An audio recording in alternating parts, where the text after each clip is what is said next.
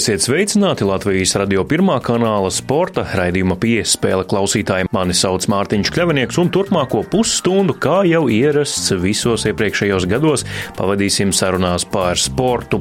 Raidījuma ievadā gan vēlos informēt radio klausītājus, ka šis raidlaiks svētdiena, pulksten 1.5. dienā ar atkārtojumu 18.15. pašas dienas vakarā būs ierastais piespēles raidlaiks tagad no 2019. gada. Iespējams, nākotnē kaut kas mainīsies, bet pagaidām paliekam pie šīs sistēmas un tiekamies katru svētdienu. Bet nu tagad pie lietas un par to, kas tad gaidāms 2019. gada pirmajā sporta raidījumā piespēle. Un rindas kārtībā divi ļoti interesanti temati. Ar Latvijas volejbola izlases galveno treneri Igauni Avo Kēlu runāsim par to, kā tad viņš šodien gatavojas stāties pretī savas dzimtenes Igaunijas volejbola izlasē tas Eiropas čempionāta kvalifikācijas turnīra ietvaros Latvijai ļoti atbildīga spēle, jo zaudējot šo maču zudīs arī pat teorētiskas iespējas kvalificēties fināla turnīram. Savukārt raidījuma otrajā daļā pārcelsimies uz saulaino un eksotisko Kataru, kur kāds latvietis ikdienā dzīvo un strādā, lai 2022. gadā tur notiktu viens no pasaules lielākajiem sporta fórumiem pasaules kausa futbolā. Ļoti interesants raidījums, pēc mazas atelpas sākam. Tas ir ļoti pašsaprotami, kad Latvija sauc, tad tur nav variantu. Tu vienmēr saki, ka jā. Es cenšos katru spēli palikt labāks, katru spēli augt. Tad, kad jau ir uh, sezonas beigas un, un starpsezona, tad tu vari palikt reāli labāks spēlētājs.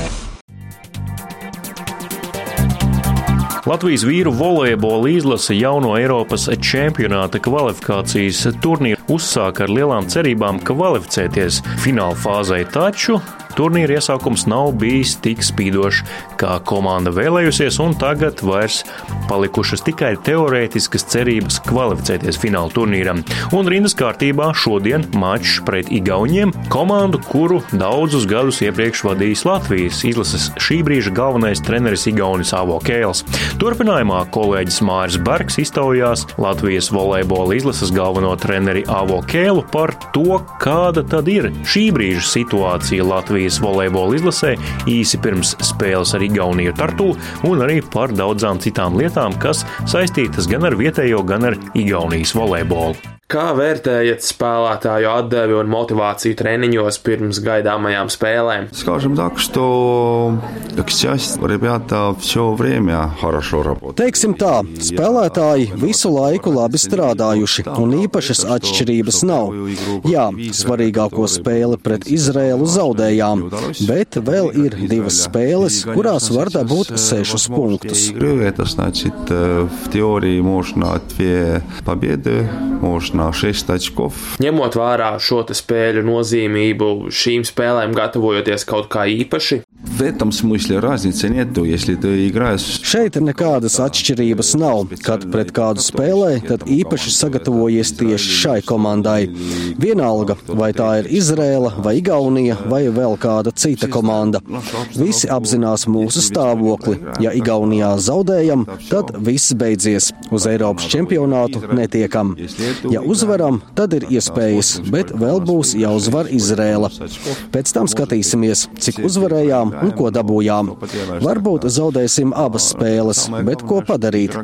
Galvenais, ka spēlētāji labi strādā, motivācija ir augsta, un viņi apzinās, ka uzvarētājs ir viens, pārējie ir otrie, trešie un tā tālāk.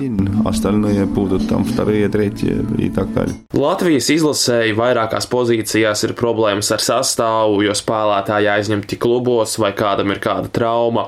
Esošā kvalifikācijas sistēma, kur pirmās spēles ir vasarā, bet otrais aplis tiek izspēlēts sezonas vidū, jūsuprāt, ir pareiza, vai tomēr vajadzētu kaut ko mainīt un domāt mazliet citādu sistēmu? Они решали, что сделают такую систему, что первая, первый круг квалификации это будет в августе, где клуб... Eiropas volejbola konfederācija izveidoja sistēmu, kurā pirmo apli spēlē augustā, kad klubi vēl tikai gatavojas, bet otro tagad, janvārī, kad čempionāti notiek pilnā sparā. Spēles tika ieliktas janvārī, un klubiem paziņots, ka spēlētāji jālaiž uz kvalifikācijas spēlēm, bet čempionātos tikmēr ir pārtraukums. Bet ko mēs redzam? Krievijā pārtraukuma nav, Vācijā arī nē.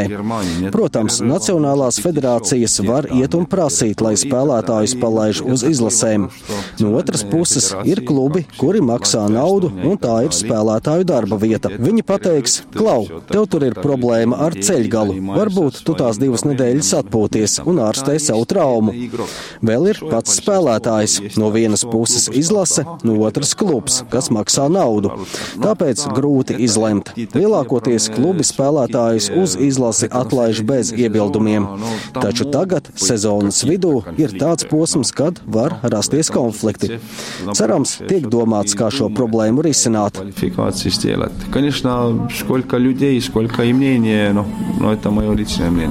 Kā plānojat risināt situāciju un aizstāt spēlētājus, kuri šo dažādo iemeslu dēļ nav varējuši ierasties un palīdzēt izlasēji? Я тренер сборной Эстонии с 2005 года. После меня 2014 года. Es biju Igaunijas izlases treneris no 2005. gada. 2014. gadā atnāca cits treneris, bet visu šo gadu laikā nebija situācijas, kad kāds negribētu spēlēt izlasē. Ja kāds nebija, tad iemesls bija trauma vai slimība. Igaunijas izlase vienmēr savācās, jo mēs strādājām ar mērķi mērķi tikt uz Eiropas čempionātu. Tikām uz Eiropas čempionātu 2011. gadā, 13. gadā neizdevās, bet 15., 17., 19. gadā Igaunijas izlase tur tiek. Neteikt, ka mums ir problēmas ar sastāvu. Jā, ir spēlētāji, kurus gribēju redzēt, bet kuru nav. Iemesli ir dažādi. Ar Hermanu Egleskalnu runājām pa telefonu. Viņam veica izmeklējumus un ārsti ieteica izmeklējumus izmantot laiku atpūtai, lai ceļgals iztur līdz sezonas beigām. Romāns Saušs gribēja palīdzēt, bet viņam ir spēle klubā. Bija variants, ka viņš palīdzēs pret Izrēlu, bet laikam tomēr nē. Pāris spēlētāji no Jēkabpils atteicās. Iemeslus gan nezinu. Kāds teica, ka vajag aizvadīt treniņus, citam traucēja plecs, kādam vēl kaut kāda trauma. No turienes tikai Mēdenis teica, ja aicinās, būšu. Tas gan nebija Jēkabpils spēlētājs, bet viens volejbolists pateica, ka viņam nav motivācijas. Bet cilvēki ir dažādi. Tā tas dažreiz gadās. Tāpēc dažreiz ir jāpieņem lēmums mājās atstāt kādu, kurš ir meistarīgs, bet negrib spēlēt, vietā paņemot kādu, kuram meistarības ir mazliet mazāk, taču vēlme spēlēt ir daudz lielāka. Un varbūt pēc gada atšķirības meistarībā vairs nebūs. И тогда, может быть, через год эти уже ну, разницы в мастерства нет. Pirms aptuveni mēneša tika paziņots, ka Latvijas izlases šovasar spēlēs Eiropas zelta līgā. Pirms gada salīdzinoši veiksmīgi tika spēlēts Sudraba līgā, kad grupu turnīrā tikām cauri bez zaudējumiem. Jūsuprāt, zelta līgas līmenis Latvijas izlasē būs atbilstošāks? Но там разницы нету. Я не думаю, что... Tur nav nekādas atšķirības. Es nedomāju, ka ar šiem pretiniekiem varam spēlēt, bet tur ar Franciju, Krieviju, Itāliju un citām lielvalstīm nevaram spēlēt. Varbūt lielvalstīm zaudē 17-25, 15-25, bet pret Maķedoniju sīvā spēlē uzvari. Nē, tu spēlē ar Itāliju uzreiz sajūti to līmeni, ātrumu, uzbrukumu augstumu un pats pierodi tā spēlēt. Ja man kā trenerim dotu izvēli piecas reizes spēlēt pret Maķedoniju un sīvā cīņā uzvarēt trīs vai četras no tām spēlēm, vai arī piecas reizes spēlēt ar Itāliju un visās zaudēt ar 0-3, es izvēlētos Itāliju, jo tas ir pilnīgi cits līmenis. Šie pretinieki ir lieliski, beļģi ir ļoti stipri, īpaši, ja viņi šim turnīram pieies nopietni un spēlēs labākajā sastāvā. Slovākija ir laba komanda, ar ko kārtīgi varam pacīnīties. Un Turcija ir nedaudz spēcīgāka par mums, bet arī varam cīnīties. Padomju laikos Latvijas volejbols bija tālu priekšā Igauniem, bet tagad esam mainītās lomās un Igaunijas volejbols ir tālu priekšā Latvijai. Kā un kāpēc spēku samērs ir tik ļoti mainījies? Не только советское время, это не 80-е годы, когда было советское время. Ne tikai padomju laikos, spēlēju arī padomju gados, 80. gados, bet atceros arī 90. gadu spēles. 97. gadā mums pret latviešiem nebija ko meklēt, toreiz spēlējām viens pret otru. Igaunija apsteidza Latviju kaut kur ap 2002. vai 2003. gadu. Es nezinu iemeslus, bet fakts ir tāds, ka Igauni sāka spēlēt ar vien labāk un labāk, bet kaut kādu iemeslu pēc latvieši negāja uz priekšu tik straujiem soļiem soļiem kā mēs. Мы начали играть лучше, лучше, лучше, и, и почему-то латыши не с такими шагами но вперед не пошли. Я не знаю причину. Latvijā bērniem ir izvēle starp ļoti daudziem sporta veidiem. Kādas ir volejbola pozīcijas Igaunijā? Tas ir kā valsts populārākais sporta veids vai tas ir vismaz augšgalā?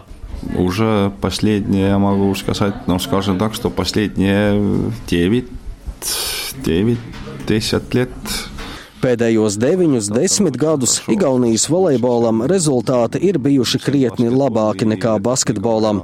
Nemaz nerunāsim par futbolu. Tauta sekos līdzi tai komandai, kas uzvar. Pat ja tu neiegūsti medaļas, cilvēkiem tāpat būs interese par komandām un sporta veidiem, kur tiek uzvarēts daudz spēļu. Komanda uzvarēja, un tas veidoja popularitāti visam sportam. Bet tie ir desmit gadi, kad es savulaik sāku trenēt Igaunijas izlasi, pirmie trīs gadi bija viduvēji, bet tad 2008. gadā uzvarējām grupā, tikām uz 2009. gada Eiropas čempionātu un kopš tā laika ir kļuvis tikai labāk un labāk. Taču tas prasīja desmit gadus. Nebūs tā, ka Avo Kēls divus mēnešus vadīs Latvijas izlasi un nu tik viss notiks. Nē, tā nebūs. Bet vienmēr būs cilvēki, kas teiks, lūk, nespēja. Если есть такие люди, которые так думают и скажут, что ну да, ну как, как, ну значит не мог и вот. Jūsu līgums ir noslēgts uz vienu kvalifikācijas ciklu, kas beigsies jau 9. janvārī pēc spēles ar Izrēlu. Ja tāds piedāvājums tiks izteikts, vai esat gatavs turpināt darbu ar Latvijas izlasi? Секретарь за мной этот контракт сделал, я спрашивал, что... Ну, сказали, что этот один цикл, значит, этот... Ну, это, ну, Kad ar mani parakstīja līgumu, tika teikts, ka tas ir uz vienu ciklu. Tas noslēgsies 9. janvārī. Es jautāju, vai tas nav pārāk mazs laiks, lai varētu izdarīt kaut kādus reālus secinājumus. Tomēr federācija uzskatīja, ka tas ir atbilstošs termiņš. Tāpēc tāds līgums pēc 9. janvāra viss tiek pārskatīts. Ja abas abas puses to vēlēsies un spēsim rast kopēju valodu. Tad sadarbību varēsim turpināt. Ja federācijas vadība lems, ka es neesmu īstais treneris, kas Latvijas izlasi var ievest kādā fināla turnīrā, tad pārtraucam sadarbību. Vai arī, ja es pats izlēmšu, ka tomēr nevēlos strādāt ar izlasi, tad arī neturpinām. Tomēr šobrīd visi varianti ir atvērti. Es varu runāt tikai pats par sevi, bet varu teikt, ka man šeit ir interesanti. Esmu apmierināts, man patīk spēlētāju atdeve un motivācija. Tāpēc, ja federācijas vadība to vēlēsies, mēs droši vien spēsim atrast kopīgu valodu. Если руководство федерации хочет, тогда я думаю, что мы найдем общий язык. Puika atsūtīja īziņu, upi, tavi sapņi piepildās. Tā forma ir svarīga vairāk mēdījiem, skatītājiem, kā nu, mūsu sportistiem ir uh, cita forma. Sportiskā forma ir svarīga. Latvijas radio pirmā kanāla sporta raidījums piespēle turpinās, un studijā joprojām es, Mārtiņš Kļavinieks. Atgādinu vēlreiz, ka 2019. gads nesis pārmaiņas arī raidījuma piespēle ikdienas raidlaikā. Tagad tas vairs neskan sestdienās, pulksten vienos piecās dienā ar atkārtojumu svētdienās 18.15, bet skan tikai svētdienās, oriģināla raidījums pulksten vienos piecās dienā ar atkārtojumu 15 minūtes pēc pulksten sešiem vakarā. Tas jums iegaumēšanai, varbūt kaut kur pierakstiet, lai atcerētos, bet nu gan turpinām raidījumu un ķeramies klāt otrajai tā daļai. 2022. gadā viens no pasaules lielākajiem sporta fórumiem pasaules kausa futbolā noritēs Katarā. Pietiekami eksotiska valsts gan mums, Eiropiešiem, gan arī futbolam kopumā, bet katarieši ļoti nopietni gatavojas šim turnīram. Sacensības principā notiks vienā pilsētā, astoņos dažādos stadionos, kas izvietoti vai nu pašā pilsētā, vai tās piepilsētās. Ļoti interesanti, ka pie katras futbola čempionāta rīkošanas vistiešākajā mērā savu roku pieliek un vēl arī nākamajos gados pieliks Latvijas Raivis Pelšs. Viņš jau iepriekš strādājis daudzos lielos sporta pasākumos, piemēram, Ziemas Olimpiskajās spēlēs Vankūverā un Sočos, kā arī vasaras Olimpiādē Londonā. Pasaules futbola čempionāta rīkošana Katarā Raivim ir jauns karjeras izaicinājums un ilgākais līgums viņa līdzšinējā darbībā saistībā ar sporta pasākumu rīkošanu. Un sporta raidījuma piespēle turpinājumā sazināsimies ar saulaino Kataru, kur sarunāsimies ar. Raivi Pelšu, kurš tur gan dzīvo, gan strādā. Raivi, vai tu mūs dzirdi? Sveiki, labdien! Spīd saulīt un jā, es esmu gatavs sarunai. Sveiciens tev no Latvijas. Raivi, tu esi strādājis pie Vankūveras, Londonas, arī Soču olimpiskajām spēlēm. Varbūt sākumā ievadā īsumā pastāsti, kas tad parasti ietilpst tavos ikdienas pienākumos šādos lielos sporta pasākumos? Parasti un manos iepriekšējos darbos es veicu globālu izmēra pasākumiem, ne tikai sporta, bet dažādu izmēru sporta pasākumiem, operāciju darbību un operāciju, operāciju īstenošanu dzīvē.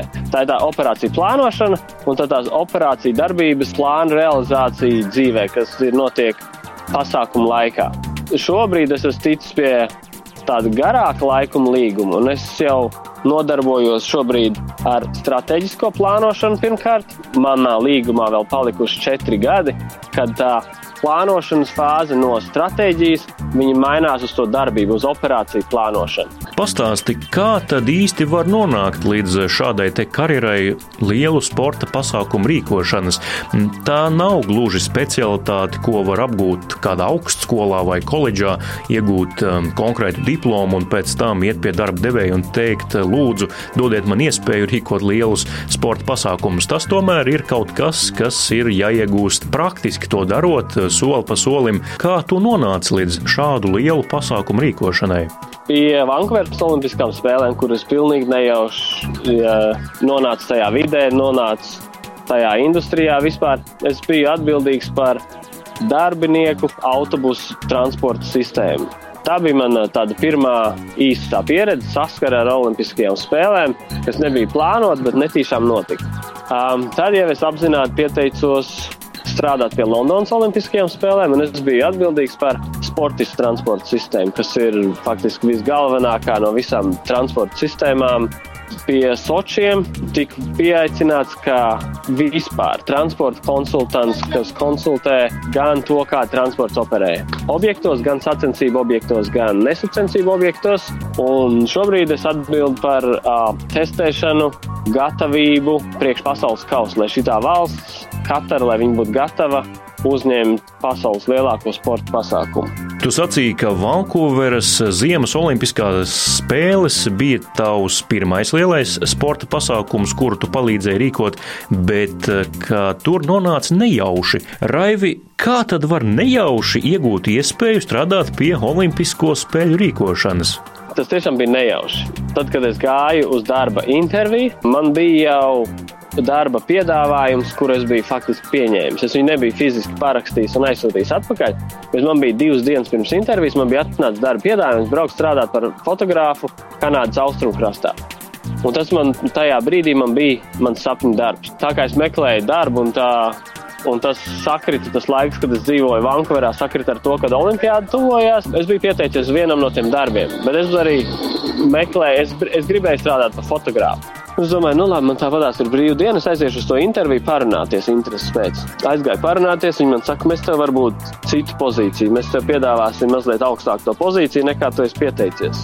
Bet man tajā brīdī es viņiem pamāju ar galvu un es teicu, jā, bet man tajā brīdī nebija, nebija intereses par to, jo es biju, es biju laimīgs, es biju dabūjis do, to darbu, ko es domāju, kas ir man mūža sapnis, ko es gribētu strādāt.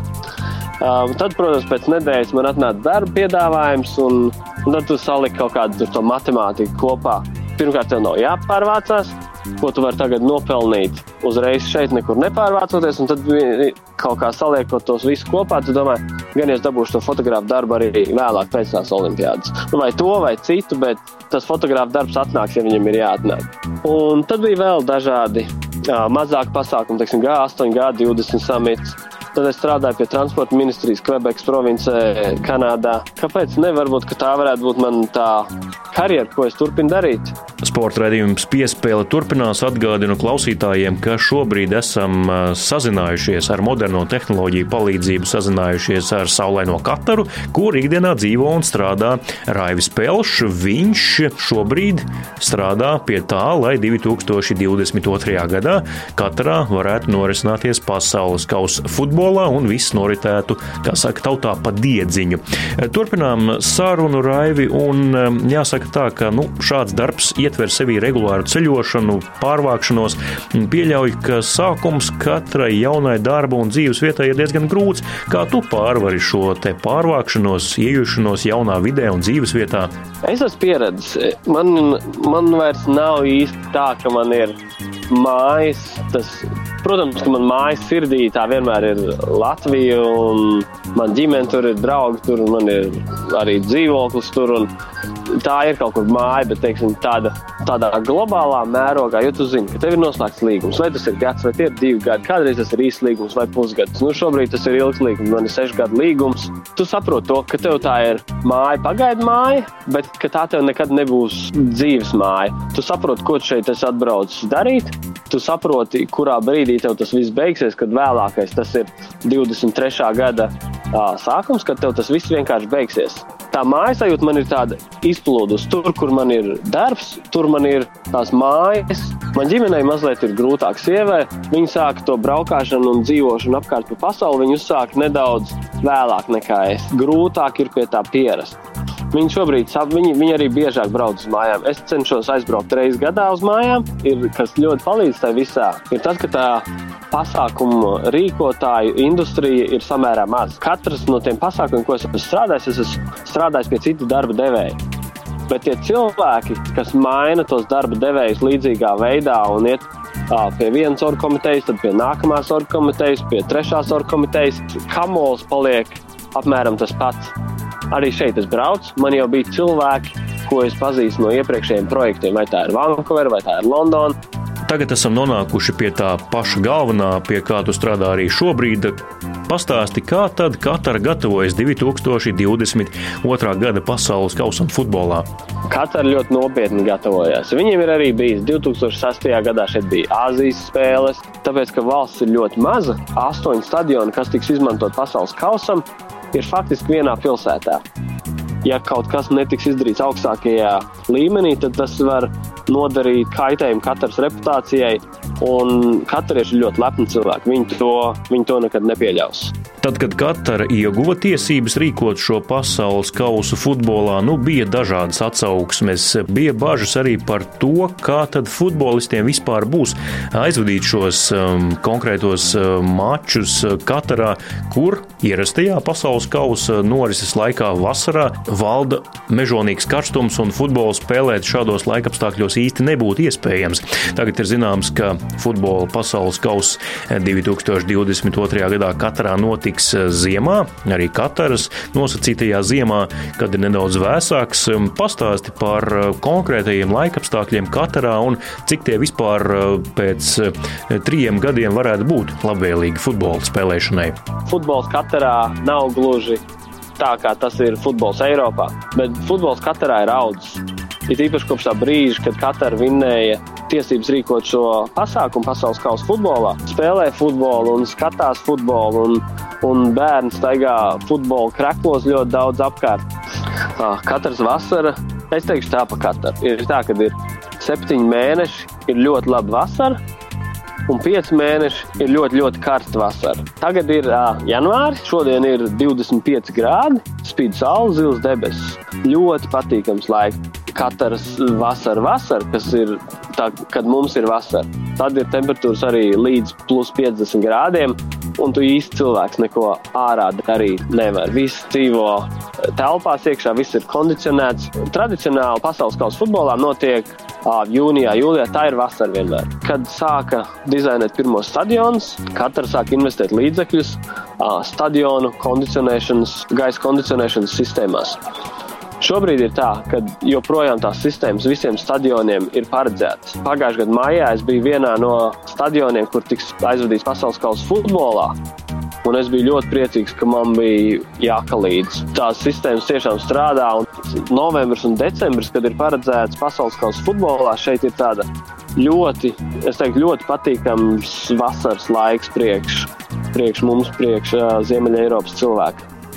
To, ka Raivis Pelšs, Latvijas strādā pie 2022. gada pasaules kausa futbolā katrā, mēs lielākā publikas daļa uzzinājām pagājušā gada izskaņā, kad pasaules rallija čempionāta Latvijas posma rīkotājs Raimons Strokšs publiski no skatuves pavēstīja, ka viņam visus šos iepriekšējos trīs gadus biķerniekos rallija posmu sarīkot palīdzēja arī tu, Raivis Pelšs, cilvēks, kurš uh, ikdienā strādā pie daudziem un dažādiem lieliem sporta uh, pasākumiem. Uh, pastāsti, kā tad dzīve un darba ceļi jūs saveda kopā ar Raimondu Strokšu, un tu nonāci pie tā, ka palīdzi viņam rīkot Latvijas posmu pasaules rallija čempionātā atkal tāpat kā ar ļoti daudz ko, kas ir noticis manā dzīvē, tā bija pilnīgi nejaušība. Es biju pabeidzis strādāt pie Eiropas spēlēm. Mēs ar sievu bijām Latvijā, mēs gaidījām bērniņu, mēs gribējām, lai bērniņš piedzimst Latvijā, un sieva man palūdza aiziet uz baletu. Baleta, es biju ar Raimondu nedaudz pazīstams arī pirms tam, bet es viņu satiku baleta izrādē, un tad mēs kaut kā nonācām, mēs nedaudz parunājām par to, jo, un tad Raimonds bija jau dabūjis iespēju rīkot uh, pasaules, pasaules čempionātu rallycrossā. Es domāju, ka viņš kaut ko no tā, par ko mēs parunājām, viņam tas kaut kā saslēdzās, ka viņam ir vajadzīga papildus zināšanas, papildus enerģija, varbūt papildus rokas, papildus cilvēki, kas viņiem varētu palīdzēt to pasākumu pirmo reizi salikt kopā. Tas nozīmē, ka mēs varētu kaut kādu noteiktu laiku padzīvot Latvijā, it īpaši kamēr uh, mūsu meita ir ļoti maziņa. Tagad tas mums deva iespēju pabūt Latvijā un netriekties uzreiz kaut kur prom. Tā brīdī, kad notika pirmais pasākums, tajā laikā man piezvanīja no Katars. Ar Raimondu mēs vienojāmies, kad es viņiem attālināti palīdzu, ko es viņiem varu palīdzēt. Es joprojām izstrādāju operāciju plānu priekš rallija pasākuma, ko es daru no tejienes pirms rallija katru gadu braucu uz Rīgu, palīdzu ar uzbūvi, palīdzu ar pasākumu novadīšanu un tad pirmdienā pēc pasākuma es lidoju uz darbu, un otrdienā es atgriežos savā pilnlaika darbā Katarā. Tāda lūk saruna Latvijas radio pirmā kanāla sporta raidījumā piespēle ar Raivu Pēlšu. Viņš ikdienā dzīvo un strādā Katarā un dara visu, lai 2022. gadā Katarā veiksmīgi norisinātos pasaules kausa futbolā. Raivi, paldies tev par šo sarunu, bet pirms mēs to noslēdzam, uzdošu tev tādu filozofiski sakrālu jautājumu. Stāstot par to, kā tad tu ieguvi darbu Vankūveras Ziemas Olimpiskajās spēlēs un arī um, satika Raimondu Strokšu un sākāt kopīgi strādāt pie pasaules rallija čempionāta posma biķerniekos.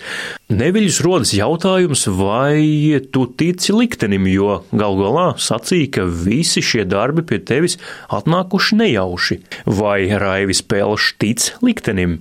Es nezinu, vai to var nosaukt par ticību liktenim, bet nekas dzīvē nenotiek tāpat vien. Ir īpaši tev, tev kādreiz varbūt liekas, o, oh, es tā gribēju pie tā projekta strādāt, bet man tur kaut kas nesalikās, vai kāds cits dabūja to lomu, ko es gribēju darīt, vai vēl kaut kas. Tu paskaties atpakaļ, un tu saproti, ka lietas ir notikušas tieši tā, kā tam ir bijis jānotiek.